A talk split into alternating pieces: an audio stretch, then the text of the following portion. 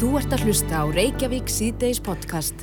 Ég sagði frá því í gær, hérna, móli frá, fréttamóli frá Ástralíu, Mhm. það sem að eh, foreldrar, barna, sem er að byrja núna í skólanum, nú er bara sumafrí lokið í Ástralíu, börni fara að þyrpast í skólan aftur, en, en eh, augnlæknir hvetur foreldrar til að láta kanna sjón barna sína áður en skólinn byrjar.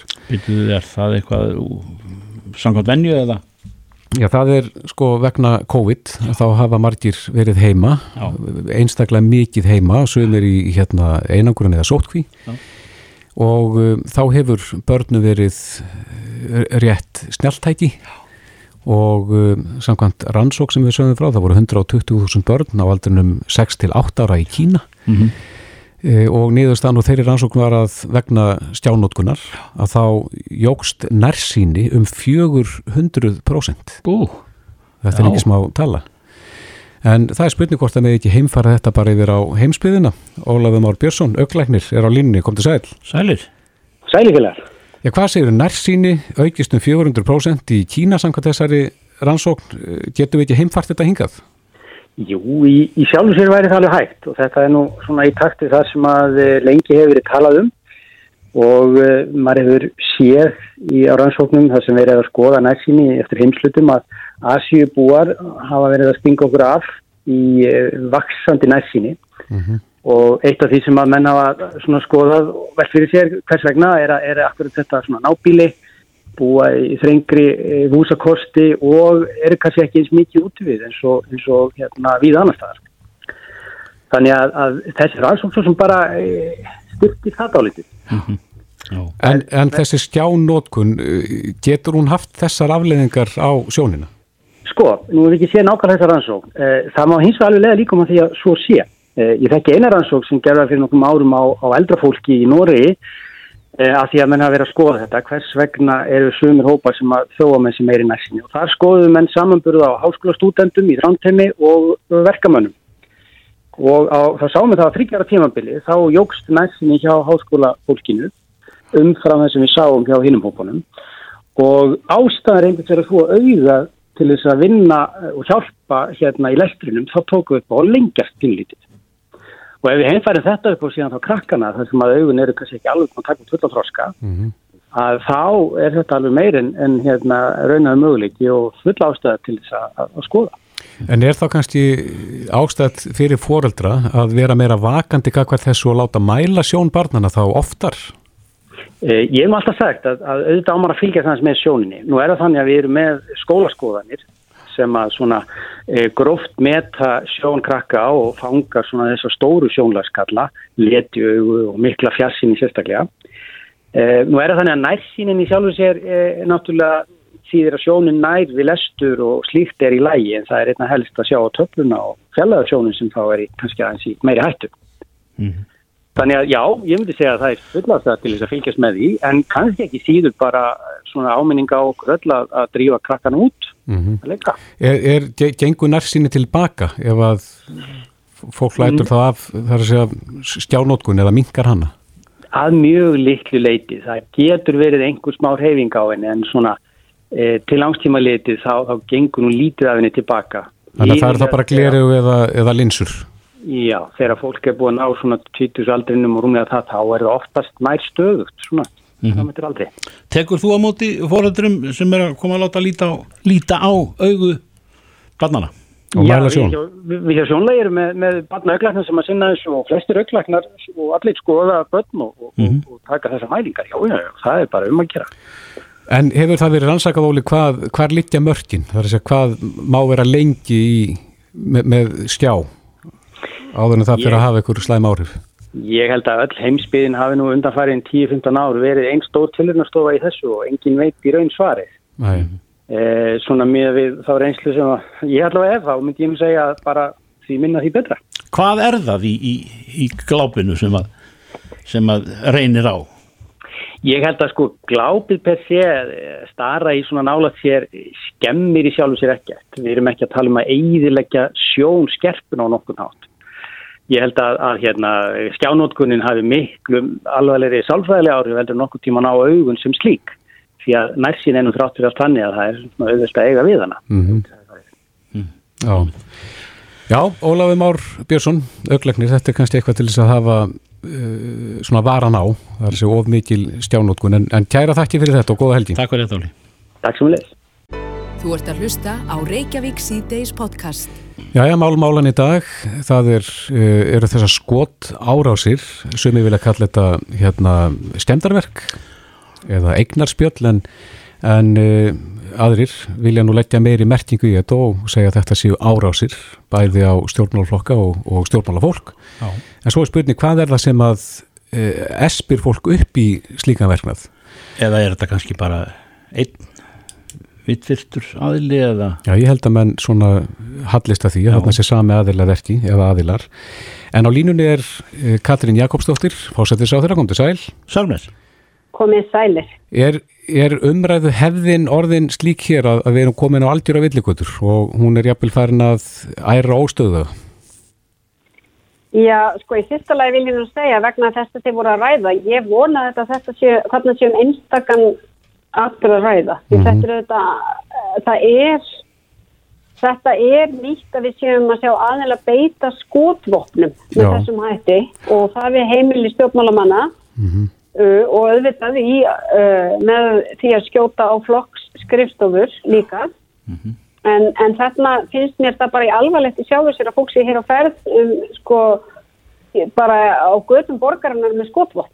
Það er bara mjög alvarlegt mál í sjálfur sér og augljóst að þetta beinist sérstaklega einstakar stjórnmálamönnum og flokkum og það lít ég á sem, já ég hef kallað þetta árás og fordæmi hana sem líka Mm en segi það líka þó ég vona þetta sé einstakur viðbyrður, svo sannarlega að ég verða að segja það að mér finnst umræðan undanfærin áratug hafa orðið æharkalegri og jafnvel bera votta af einhvers konar hattus orðræði þegar það er uh, klifað á því að stjórnmálinn séu ónýtt, alþingi séu ónýtt, stjórnmálamenn séu í stjórnmálum og einhverjum annarlegum hvötum. Ég held við verðum að fara að staldra við, sko. Því ég er nú fyrsta manneskjan til að segja að það er eðlilegt að eiga í heilbröðum skoðanarskiptum, átökum, við erum ekki öll sammála, en við verðum líka aðeins að hugsa hvernig við tölum þegar við erum farin að nota í raun og veru orðræðu sem bara eh, gerir það lögmætt að einhverju leiti að ráðast að stjórnmálamennu með þessum hætti. Hvar finnst þér þessi orður að koma fram? Ég við sjáum þetta auðvitað á samfélagsmiðlum kannski best uh, og það eru auðvitað ótrúlega orð sem að sér þar látin falla þar sem stjórnmálamenn eru sagaður um mannfyrirlitningu, mannvonsku, uh, annarlegar kvatir, markháttaða spillingu án þess að það sé endilega röpstuð með neinum hætti sko. Mm. En nú, nú var það, Katrín, háttur manna hér áður fyrir það að tala mönnum, eh, já, til dæmis í stjórnmálum, til tekna ef að þeir, þeir, þeir töluðu hraustlega um eitthvað mál og, og voru ósparir á, á, á lýsingarorðin og, og, og jú, jú, fengur sér kannski nefið á eftir en, en það var hart barist í orðum áður fyrir Íslandsöfunni. Já, já, og auðvitað hefur alltaf verið hartbarist og það er líka eðlert að fólk, sko, fólki renni í skap og maður getur orðið reyður út af einhverju máli sem snertir mann og látur þung, látur þung orð falla. En ég held að fólk átti sér alveg á að það er ákveðin munur á því að fólk takist hraustlega á og láti það jáfnvel hérna, stóra orð falla og ekki bara stjórnmálamenn heldur bara allir þeir sem taka þátt í ykkur skona pólitískur umræði en því sem kannski við höfum séð og það er svona magnast upp það sem ég vil kalla bara já, sko, mjög neikvæð umræða um stjórnmálaflokka og stjórnmálafólk og oft þannig að það jára bara við ykkur skona hattisöfðaði.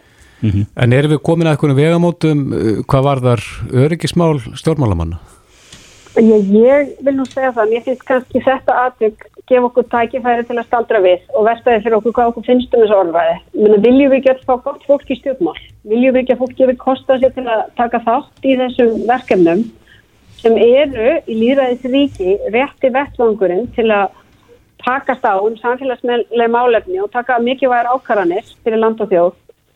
Við viljum ekki fæla fólk frá og þá verðum við svolítið að ræða þessar orsakir. Því ég vil ekki bú í samfélagi þar sem stjórnmálamenn eru hér umkringdir af einhverjum vikingum.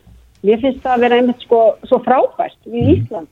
Að hér eru bara stjórnmálamenn og þeir fara bara í, í, í búðina og sund og, og það er ekkert mál. Og þannig vil ég hafa það áfram.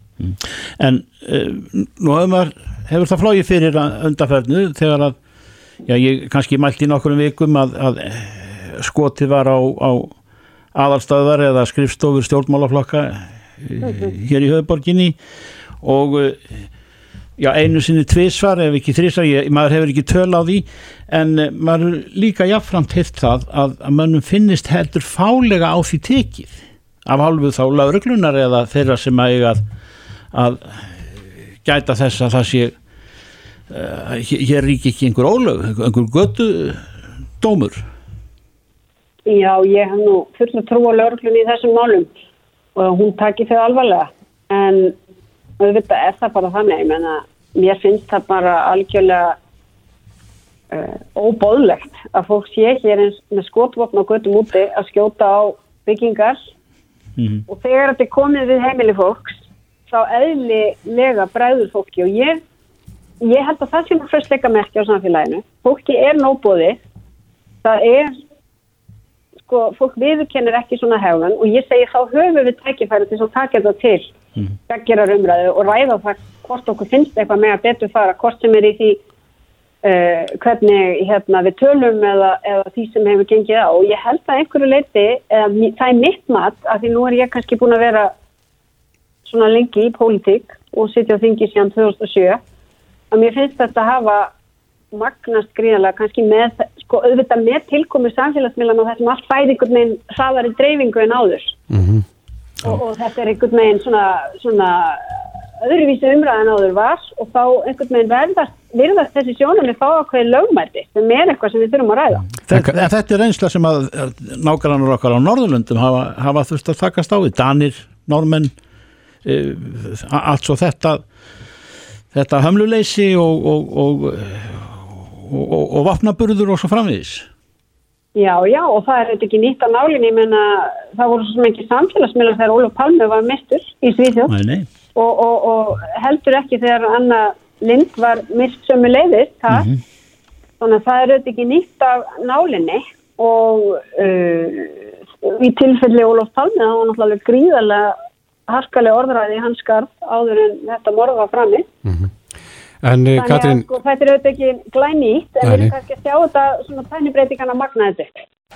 en staðan er samt svo hér að það gengur skotmaður eða skotmenn lausir og, og þeir viðast vera að færa sig upp á skaftið. Mm. sér það að þurfi að, að gera eitthvað bregðast við núna, svona hvað var það öryggi stjórnmálamanna þangað til að það er búið að hafa hendur í hári þessar aðeila? Já, ég hef nú heilt bæði borgarstjóra og lauruglunni vegna þessa máls og ég held að það sé verið náttúrulega bara að vinna mjög öttulega að því. Um, og síðan þurfum við þetta að taka þessa umræðu. Og auðvitað er það þannig og eins og við verið bett á að það gilda ákveðna reglur um stjórnaráð og alþingi.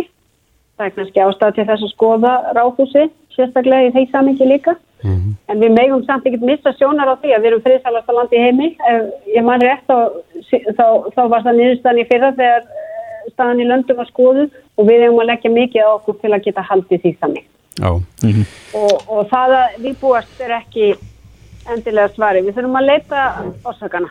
já og bæta kannski umræðu hefðina. Já, bara munum það orðið eru dýr og það skiptir máli að við vegum og metum. Og það á við um alla þá sem er að taka þátt í pólitískri umræði. Já, Katrín Jakobsdóttir, fórsettisáþra, kæra þakkir. takk Takk sem er leiðis, verið bless. Hlustaðu hvena sem er á Reykjavík C-Days podcast. Já, já, Reykjavík síðdeis, ég veit ekki með þig Þorgir en uh, ég og fleiri erum, getum verið algjöru skussar þegar kemur á bílnum. Já, ég tala ekki um þegar þú ert að eh, skipta um bíl eða kaupa bíl eða selja eða, eða þessi viðskipti og hvar þú ákvaða að taka átt að íta og hverðu berðu þig eftir og svo framvegis Það þarf að fara með bílinn í smur og muna Já. það og, og svo kannski verður hann fyrir ykkur tjóni og það þarf að gera við hann. En uh, við heyrðum af skemmtilegu verkefni, hugmynd sem að kviknaði og Bjarni Einarsson uh, er einn af stopnendur þjónustu bókarinnar og er á línu komdu sæl. Sælir, Sælir, Já, takk þið- fyrir að bjóða mér að koma í útvarfið. Já, takk fyrir að gefa kost á þér. Þú uh, fegst hugmynd hvernig má halda utanum sögu bílsins, er það ekki? Jú, mikið rétt. Þetta í rauninni kemur bara upp frá því að ég var að fara að selja bílinn minn og þá náttúrulega þarf maður að hafa kvistanur og annað til staðar svo maður fá nú rétt verið fyrir hann. Já, og þá er ég að keira bara yfir hellisegina með konunu og fatt að ég er náttúrulega búin að týna þeim öllum því ég flyt á Salfors og þeir eru ykkur um kassa upp á háaloftið eða eitthvað staðar. Mhm. Og þá segi ég við hann að, þetta er voðalega kjánalegt, þetta sé bara ekki á netinu. Af hverju er þetta ekki bara auðgengilegt og bara sapna saman, þetta er alltaf á einum stað. Já, já. Og þá svona ákveðu við strákarnir að bara kýla á það, bara búa til þessar rafræðinu þjónustu. Já, sem að er hvað þjónustubókin.is Já, þjónustubókun.is og þetta er í rauninni bara svona til að segja kannski stutt frá því að þá söfnum við saman viðgerð á þjónustuupplýsingum og þær tökum við frá bara bílaumbóðum, verkstæðum og upplýsingum frá samgöngustofu og annað Mhm. og setjum það inn á eina svona þægilega síðu sem eigandi getur nálgast. Er smur inn í þessu, smur stöðvar og slíkt? Já, það mun vera það í framtíðinni. Já. Við erum ennþá að vinna í að svona tengja þetta. Við vorum að opna núna fyrir skráningar fyrir bara svona takmarkan hóp, þannig að fólk getur nú farið inn og skrá sig. Mhm. Og þá fær það eina fría skýslu í framtíðinni og fær að sjá líka gögnum sem eru komin um bíli sem núna og svo þegar þau koma svo áfram jáframhaldinu. Já, þannig að það er haldið alveg utan um það ef að bílinn lendir í tjóni, þarf að fara í, á verkstæði. Er þá öll sagan þar? Hvað er Já. gert við bílinn? Allt saman. Við erum að draga allt saman, þannig að þú ferð og skiptur á bremsónum þá er þetta skráð þarna inn. Og við erum bara að taka skráningu frá löggildum verkstæðum. Þú veist, við erum ekki, fólk getur ekki gert sjálft við bílinn og skráða sjálft. Þetta verður alltaf að vera löggild og samþygt. En þeir eru að vinna þetta í samstarfi við FIB og BGS, með bílagrinnarsambandið. Og hafa þeir verið okkur til handa og verið opbúst duglir í að styðja verktum og hjálpa okkur. En Bjarni, já, akkurat þetta, það skal viðkjönd þó að maður sé nú ekki landsþæktur fyrir svona skrifinska þessu tægi að þá hefur maður gert nokkra, nokkra tilrunir um að ha- halda þessu til bókar og, og náinn ættmenni mín hafi gert það með, með miklum sóma en, en mér ávallt mistekist það er sem sagt ekki, ekki þitt verk að færa þarna inn upplýsingar um um, þegar að þið verið búin að klára það að, að þá er það þeirra sem að inn af hendi þjónustuna sem að gera það Eh, Já, mikið rétt. Það er er eina, eins og þetta bara gengur fyrir sig. Ef þú myndir skráða þig inn núna, að þá myndir þú bara fara inn og geta séð upplýsingar um bíliðin. Þú getur, þú veist, í framtíðinu keift svo skýslu og prenta hann út eða senda hann á fólk þannig að þau geta séð hvað hefur verið gert í bílinn. En þú þarft ekki að gera neitt. Þú eina sem þú þarft að gera er að skráða inn með rafverðinu skilríkjum, skrá inn hvaða bíl þú átt og þá kemur þetta bara sjálfkrafa inn. Og þá þarft þú aldrei að vera að halda utan um þetta. Þú þarft ekki að vera að geima neina kvittanir, þú þarft ekki að geima neina upplýsingar. Það er allt í staðar og þetta er svo opbóðslega mikilvægt fyrir að fá rétt verð fyrir bíliðin. Að hafa alla söguna með, gerir það að verkum að þú sýnir ákveðið tröst. Hérna er öll sagan, ég hef ekkert að fela. Já, Og það sem er líka fyrir kaupendur, að ég veit um marga kaupendur sem hafa lent í því að kaupa bíl, spurst um hann hvað hefur verið gert og hvernig verið það verið og, og svona spurst um kvittan og sömur til staðar og sömur ekki og svo lendaði bara í rándýrum viðgerðum. já, Og þarna getur þú séð fyrirfram að bara, heyrðu, býtu, það er ekki búið að gera við tímafreimina í svona svona langa tíma eða þetta og þetta, eða bremsurnar eða eitthvað annað. En þetta veikur opvarslega tröst hjá bara neytundur. Mm, En hvað gerir síðan? Segjum það að við komum alltaf síðan að selja bílinn sinn. Já. Eh, Það er búið að halda utanum sögu bílsins og viðgerð og annað slíkt. Hvað gerir hann síðan í söluferlinu? Ég það hann þarf ekki að gera neitt. Þetta gerist allt sjálf krafa. Þegar að bílinn selst yfir þá færist hann yfir á nýja neiganda. Þetta er allt samtengt með samgöngustofu. En að þú getur ekki farið inn og skráð hvaða, bara hvaða bíl sem er á þig og fengi að sjá eitthvað sögu. Æ, en, en er- hægt að sína söguna þar að segja í söluferlinu þannig að þú vilt kannski bara sína það að þú hefur hugsað vel um bílinn? Algjörlega. Og það er líka ymmið bara eins og til dæmis við vitum að það er og þú mætir með alla söguna þaðan að þannig erum við líka bara að staðfesta hvað hefur verið, hvað hefur verið gert í bílinn og hvenar. Og þeir verkstæði sem eru löggild, þau geta skráð inn sem sagt og við náum í upplýsingarna fyrir eigandan. En eigandinn þarf alltaf að gefa okkur leifi. Við erum ekki að ná í allar upplýsingar um alla bíla á Íslandi eða eitthvað svona Nei. eigandinn kemur alltaf að skráa sig inn með rafrænu skilriki, gefur okkur umboð og byður okkur um að ná í það fyrir sig. Og þótt að þú gerir það, þá getur engin annar fundið bíliðinn fyrir en að þú annarkort nærði söguna sjálfur eða gefur leifi á að aðrir megi sjá það. Já. Er hægt að kynna sér þetta nánar inn á síðun ykkar? Já, inn á þjónustubókir.is. Já, akkurat. og, og hvenar er verkið full gert? Já, við erum núna bara í svona, hvað segir, sem maður segir, í miðri á. Við erum Já. að tengja og þetta er náttúrulega búið að vera verk sem við erum búin að vera að vinna að núna í þrjú ár. Og það eru svona, við erum á síðustu spórunum, núna erum við að koma inn fleiri tengingum og erum að koma inn fleiri upplýsingum og þess vegna er opbúrsta mikið hjálp ef fólk skráist inn núna og færi inn að fría skýslu að þá getum við svona verið að pröfukera og testa kerfið og leitt fólki að sjá hvað þetta er í bara rauninu nöðsilegt, þetta er týrkast úti. Mm. Margir fekka öruglega Carfax í bandaríkunum, það telst bara að vera galið að kaupa sér bíl í bandaríkunum og sérði ekki Carfax skýstuna og veist hvað hefur verið gert við það. Þú veist, við gleymum líka náttúrulega þetta er ekki bara peningana að spara sér að fá rétt að vera fyrir bílinn. Bílinn er næst besta fjárfestingin sem fólk gerir fyrir auðvitað kannski húsnæðisi en þú ert að keira með fjölskylduna í þessu þú ert að keira sjálfur í kringum í umferð með öðru fólki, þú ert veit þú ert á örugum bíl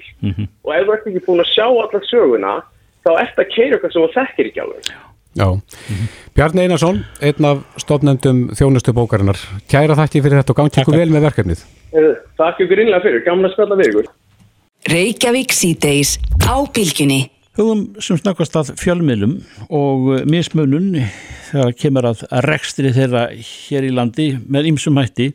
Maður rekst á margar hugmyndir og margar greinar og það um árabil. Ólafur Högson er almannatengill, skrifar nýverið af hugmynd sem hann er með um einmitt þetta samspil stóru miðlanu utan úr heimi og, og, og litlu miðlana hér og svo framvegis og framvegis. Ólafur, hverju vilt þú breyta? Ja, það er náttúrulega alveg deginu ljósara að þeir sem selja þjónustu og vöru hér á landi eiga að lámarki að innhetta því virðisökkaska en þessi fyrirtæki sem er að selja okkur auðlýsingar fyrir sko bara Google og Facebook fyrir fjóra miljardar króna árið 2019 sakvæmt hérna samantækt hagstofunar skilja ekki krónu eftir hérna í samneisluna borga, borga korki starfsfólki laun nýja virðisauka skatt eða neitt annað. Og á sama tíma eru þessir auðlýsingamílar að taka mjög dýrmæta tekjur af engareknum fjölmiðlunum og e, sem að leiði bara til þess að, að það hefur neikvæð áhrif á bara alltaf líðræðislega umræðu í þessu landi. Og það bara er ekkit gott fyrir okkur að hérna sé eiginlega annarsvegar e, þessi samfélagsmiðlar sem að, sem að gera ekkert fyrir líðræðið eða líðræðislega umræðu Uh, vegna þess að þeir stund ekki svona bara vennjulega fjölmiðlun eða, eða heiðarlega fjölmiðlun og svo hins vegar að ríkið sé þá orðið með sterkasta hérna fréttamiðlin og ég spyr, ætlum við að enda þannig að við séum annars vegar með bara allar auðlýsingar í, í, í, á samfélagsmiðlunum, enga tekjur af þeim inn í samfélagið og svo hins vegar mikill stuðningur við e, einn fjölmiðlegu ríkisins. Mér finnst bara, þetta bara mjög óvænleg og slæm þróun. Þessu hefur e, verið svona kannski, já, sínum lítið var að yfir söguna, e, verið fálega tekið af, af stjórnvaldinu, finnst þér ekki? Svona gegnum jú, tíðina? Jú, jú, jú, jú, þetta hefur bara, og einhvern veginn hafa þessir, þessir ellendu miðlar komist upp með það að, að, að skila einhverjum sköttum hérna bara vegna þess að þeir komast upp með það og, og en, en eh, málið það það er, það er auðvitað til leiðir til þess að, að, að tryggja það að það skilir sér skattar af þessum viðskiptum hingað sem að, sem að þá mætti hugsanlega nýta þá fjármunni til þess að efla hérna aðra fjölmiðlun.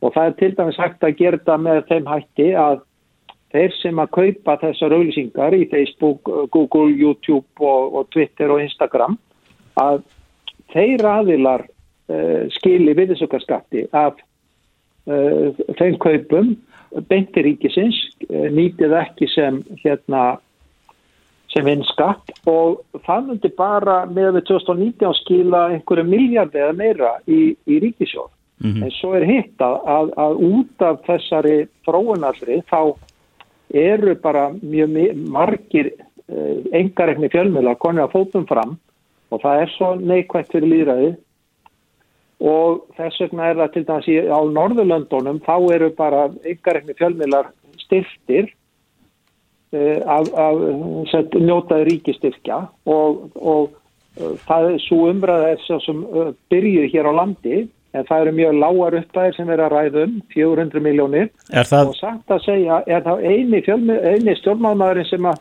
mér finnst það að sínt þessu einhvern áhuga á fyllt þessu eftir er Lilja Aldriðsdóttir mentamálar á þeirra og en margir þingmenn hafa verið að draga lappirnar og tefja fyrir þessu sem er miður. Mm. Hefur viðrað þessa, þessa flettu sem er nú einföld? Nei, sjálf, sko það, það Við stjórnvaldið? Já, nei, það var nú ymsir svo sem tjáð, tjáð sig um þetta og, og hérna og, og þetta frumvarp um stuðning við einhverjum fjölmila uh, komið fram fyrir nokkuð löngu síðan en það að, að skatleggja skatleggja hérna þessa erlendu samfélagsmiðla, það vilist bara ekki vera sko neitt unnið af því. Einleið sem væri til dæmis hægt að, að, að hérna jafna samkettnistöðu samfélagsmiðlana og, og innlendu fjölmiðlana væri að neyta því að, að uh, setja hafna því að það með uh, nota þann kostnað sem frádrátt í rekstri og það myndi þá á móti þá hækka hagnað hjá viðkomandi fyrirtæki því að það gæti ekki nota þetta sem frádrátt.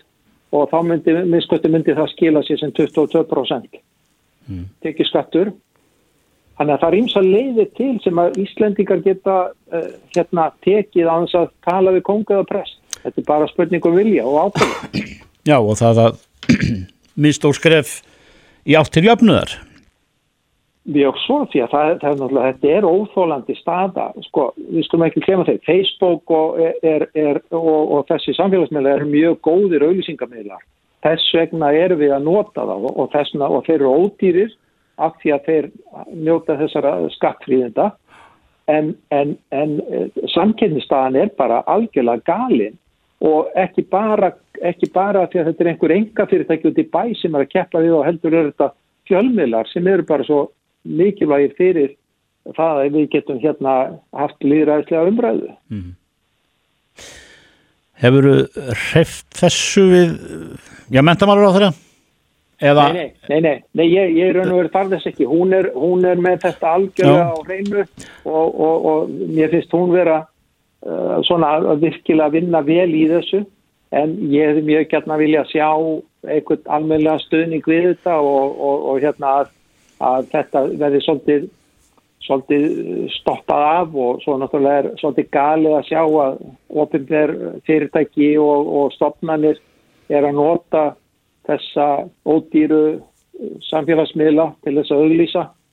Eins og? þeir auglýsa til dæmis laus störf hafa notað nota það mikið í það. Og, og það er svolítið galið að, að ringið skuli Eh, svona nánast verið að grafa sjálft á undan undan uh, hérna þessar líðræðslega umræði en um leið er alveg hægt að skilja það hvers vegna þessir miðlar eru notaði en það er algjört lámarka það sé bara einhver uh, hérna að samkettnistaða auglýsingamíðla og fjölmiðla hún sé bara jöfn. Að það sé ekki þetta skattfrelsi sem að, sem að hérna, grefur undan öllu. Mm. En góðu fréttunar eru svo sem það er að Európusambandið er að vinna að miklum krafti að því að, að eh, skatt, eh, skattleggja þessa miðla þeir, þeir vilja ekki útlendu stórfyrirtækjum vilja ekki borga skatta, þau, þau vilja ekki taka neina samfélagslega ábyrg mm. og það eina sem við erum takt að gera er bara neyða þau til þess. Já. Já, það eru margir treyir til að fara þá leðina líka, skilur þú? Já, já. En um, aðdeglisverð hugmynd og, og, og svona markþætt en maður rínir í þetta, Ólaður Haugsson við bara óskuður velfarnar í því að útbreyða báðskapinn og, og þetta fari í rétt eiru hér þar því að ástandið er þannig í dag að það er aðgerða þörf til jöfnuðar. Algjörlega, algjörlega. Takk fyrir. Takk sem leiðis. Þetta er Reykjavík C-Days podcast.